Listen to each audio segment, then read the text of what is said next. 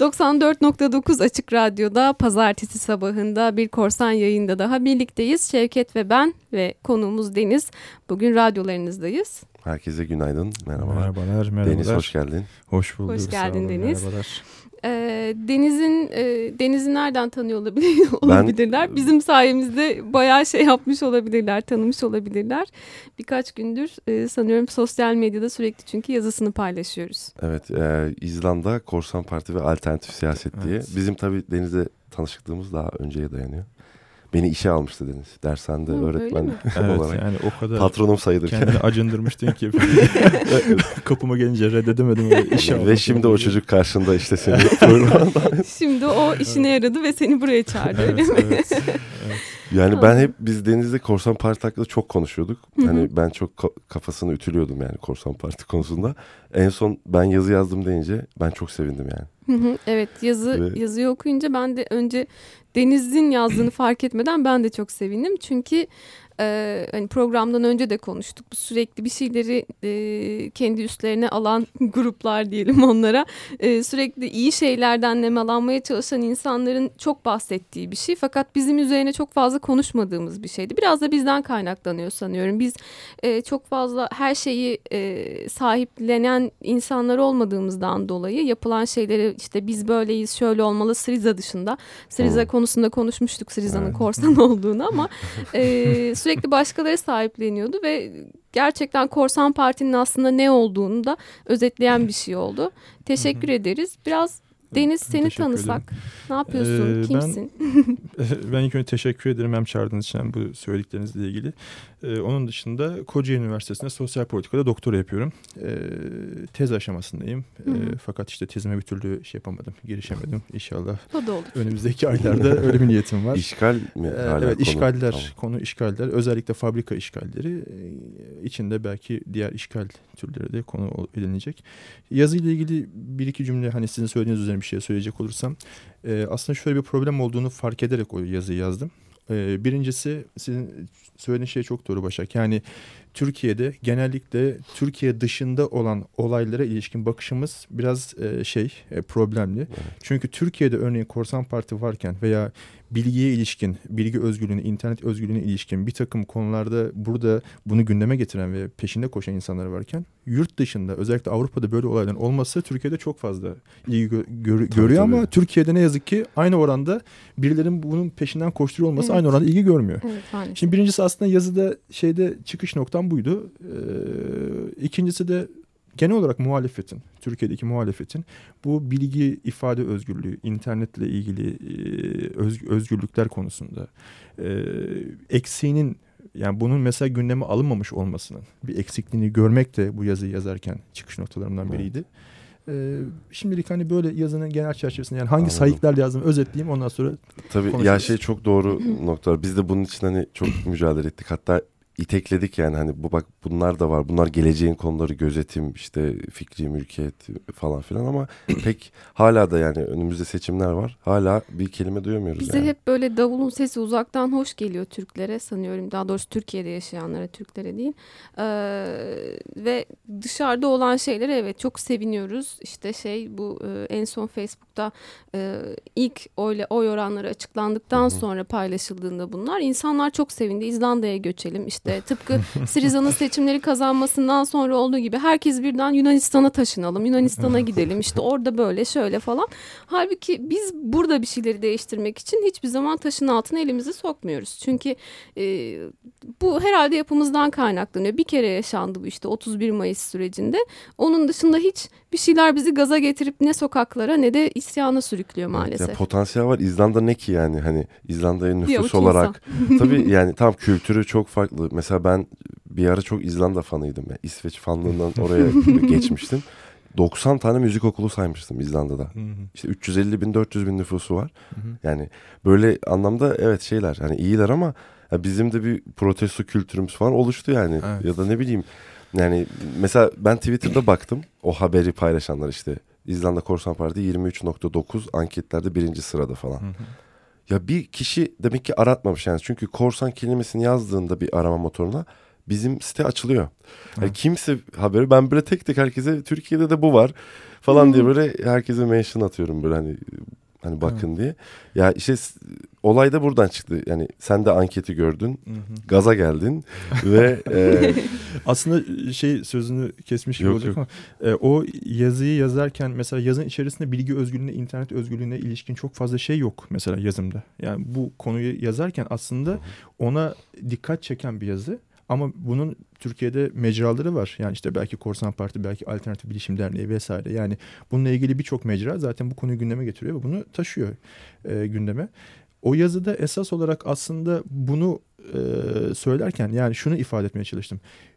İzlanda'da olan ya da Yunanistan'da olan ya da belki İspanya'da Podemos, gibi ya da belki işte Meksika'da Zapatistas. Yani dünyanın herhangi bir yerinde olan olay e, aslında Türkiye tarafından birileri bir Türkiye'de de birileri tarafından gündeme getiriliyor ve bunların peşinden koşanlar var. Hı hı. Yani yurt dışında bunların yüzde yirmi, yüzde otuz oy aldığı esnada mesela bilgi özgürlüğünü, internet özgürlüğünü gibi e, ya da devletin denetimini bu bunun üzerinden konuşmak yerine, popülerleştirmek yerine bugünden bunu gündeme alıp daha ciddi bir şekilde bir muhalefet gündemi haline getirmenin Tabii. anlamlı olabileceği üzerinden dikkat çekmek noktasında özellikle o yazıda vurguladığım şeylerden Aynen. bir tanesi bu. Çünkü yaptığın güzel şeylerden biri de işte e, yazıda okuyanlar görmüştür. Hani İzlanda'nın niye böyle olduğunu anlatmak. Ben de kendi yazıdan sana soru sorayım o zaman. Buyurun. Peki İzlanda'da Çok korsan zor, zor parti yerden sonra.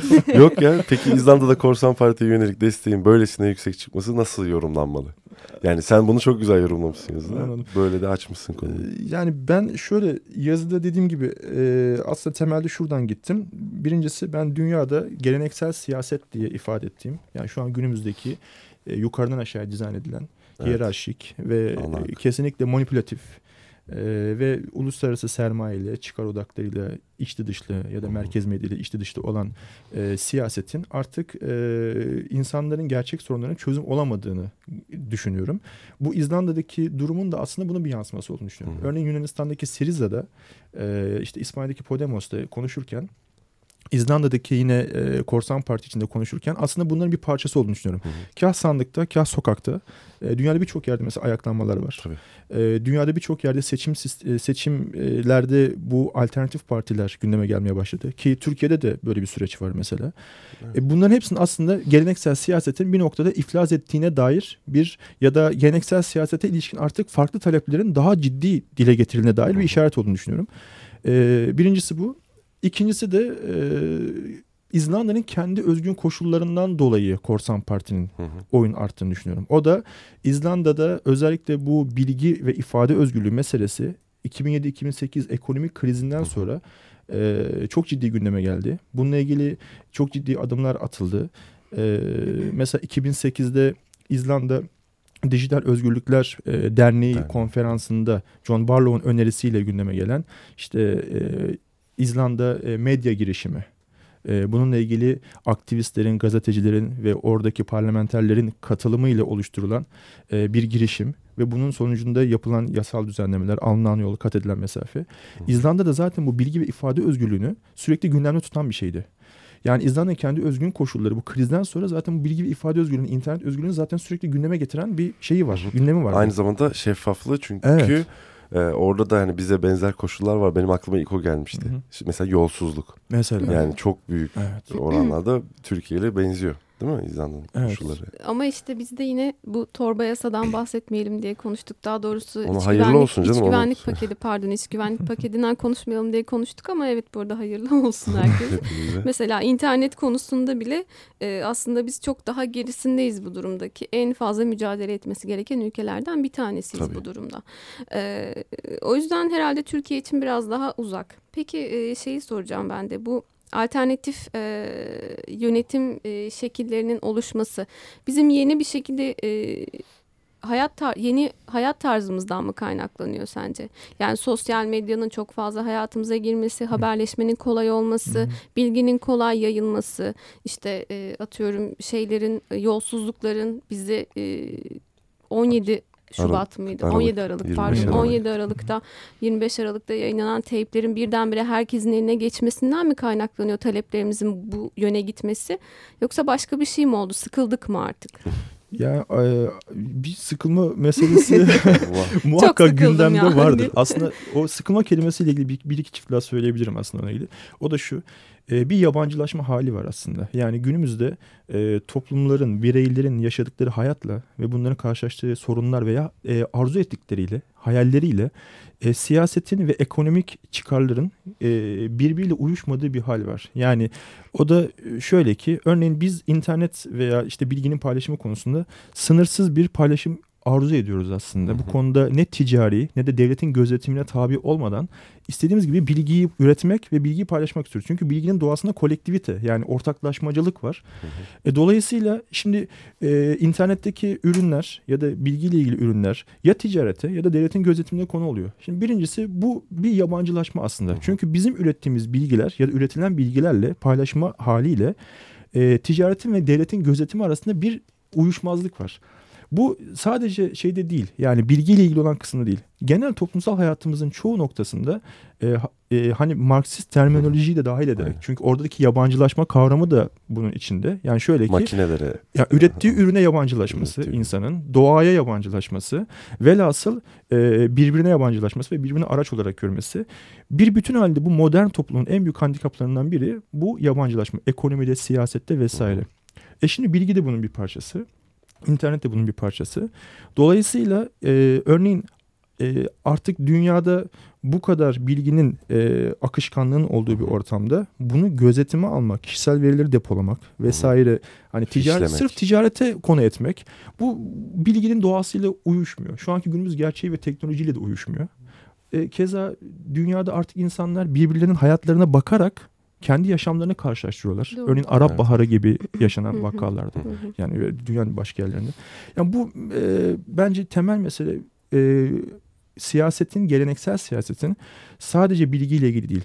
İnsanların diğer problemleri de yani emek probleminden tutun da bilgiye ilişkin ürünlerin paylaşımına kadar genel olarak siyasetin insanların sorunlarına yabancı oluyor olması. ister merkez sağ olsun ister merkez sol, sol olsun bu artık insanlara çözüm olamıyor ve insanlar başka bir şey arzu ediyorlar. Belki bunu ifade etmek e, öyle pür olmuyor. Yani başka şekillerde ifade ediyorlar belki ama aslında temel talep e, insanların yaşadıkları topluma yabancılaşmaması ki e, hiyerarşik ve bu geleneksel siyasetin e, bu kısır döngüsünden çıkmak, başka bir şey arzu etmek.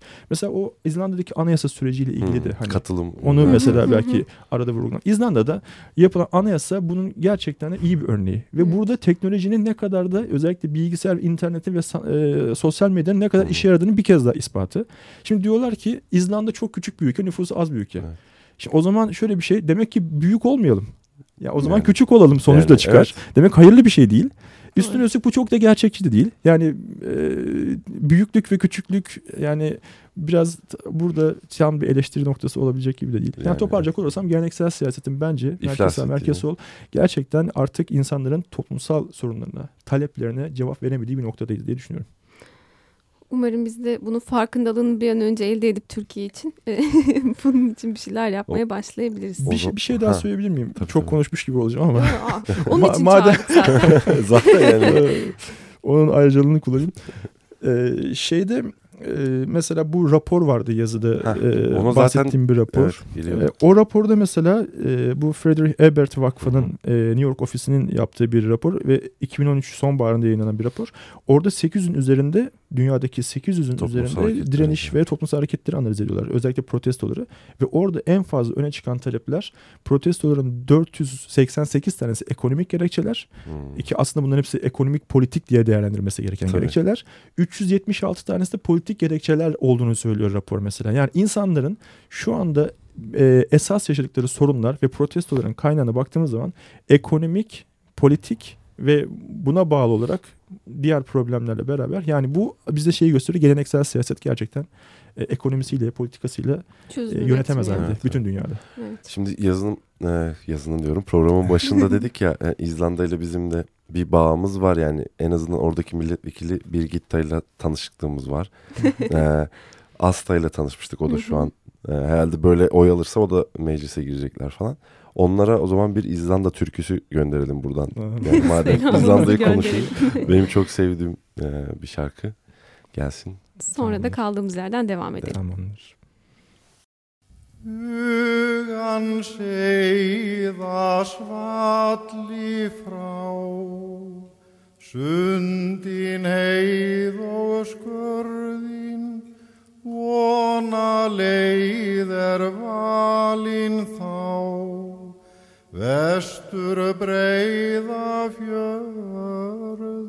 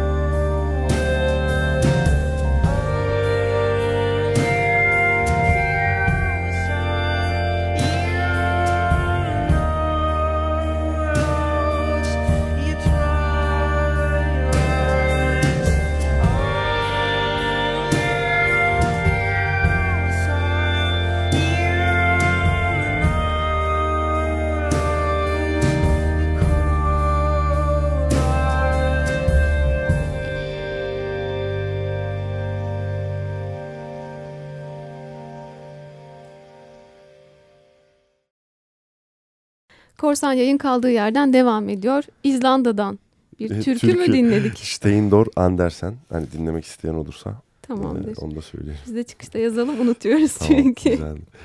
Ee, bu hafta konuğumuz Deniz. Ee, Deniz'i nereden tanıyoruz? Deniz'i geçen hafta sürekli yazısını paylaştığımız İzlanda Korsan Parti ve İzla, e, Alternatif alternatif, siyasetten tanıyoruz. Ee, biz de Korsan yayında hemen şeyden bahsedelim. Bize bütün hafta boyunca korsanparti.org internet sitesinden, Twitter'dan ve Facebook'tan ulaşabileceğinizi, sorularınızı bize ya da e, bizim e, vasıtamızla Deniz'e ulaştırabileceğinizi söyleyerek devam edelim. Ben de şeyi ekleyeyim. Siyasi Haber evet. e, sitesinde de yine yazını yayınlandığında e, Evet, şey evet. yapayım orada da söyleyeyim. Bayağı da olumlu tepkiler. Evet olmuş. orada da bayağı e, şey vardı, olumlu tepkiler vardı. Yani konunun kendisine olumlu tepkiler vardı. Yoksa benim yazdığımdan dolayı madah bir şey olduğu için Evet, Neler o, oluyor? o anlamda değildi. E, ben İzlanda ile ilgili birkaç bir şeyden daha bahsetmek Hı hı. istiyorum. Hani bunu Tabii. da mesela Wikileaks belgelerinin İzlanda ile ilişkisi de bu Korsan Parti'nin yükselişinde bence e, bir şey etkenlerden biri. Ee, İzlanda bu e, özellikle modern medya girişimi denilen girişimden sonra 2010'larda başlayan bu süreçte İzlanda'da bu bilgi özgürlüğü, ifade özgürlüğü meselesinin bu kadar çok gündeme gelmesinin sebeplerinden bir tanesi de Wikileaks belgeleriyle İzlanda arasındaki ilişki, Assange'da İzlanda arasındaki ilişki. Evet. Bunu da bir taraftan aslında not etmek lazım. Hani Tabii. ee, o dönemler mesela gündemde şöyle bir belge de vardı. Batan bankalarla ilgili Wikileaks, Wikileaks belgeleri ortaya çıkmıştı. İzlanda ile ilgili. Ee, ve İzlanda şöyle bir tutuma gitti. Medyada kontrol e, yani İzlanda'da ilk defa olan şeyler oldu belki de. Yani öyle söylüyorlar. Ben İzlanda'da hani yaşamadığım için bilmiyorum ama öyle söylüyorlar. İzlanda'da ilk defa medyaya bir sıkı kontrol geldi Evet, o belgelerin ortaya çıkmasından sonra. Çünkü e, bel- belgelerin ortaya çıkması şöyle problem. İzlanda'da bankaların e, gizliliği ilkesi yani bankaların yaptığı faaliyetlere ilişkin gizliliği ilkesinin orada bazı kayırmacılıklar, yüksek riskli kredilerin Tabii. alımı, verimi yani bunların e, o belgeler bunları ortaya çıkartıyor ve İzlanda bundan dolayı bir panik yaşadı. E, bu mesela şeyde e, süreçte o Wikileaks belgeleriyle ilgili bankaların e, 1900 mesela 98-2003 arası özelleştirildiği bir dönem var ve bu özelleştirme döneminde nasıl özelleştirildiğine dair tam bilgiye sahip olamamamızı sağlayan, e, buna imkan vermeyen e, bir gizlilik şeyi var. Yani örtülü bir faaliyet var orada İzlanda'da. İşte Wikileaks belgeleri bunu da ortaya çıkartıyor.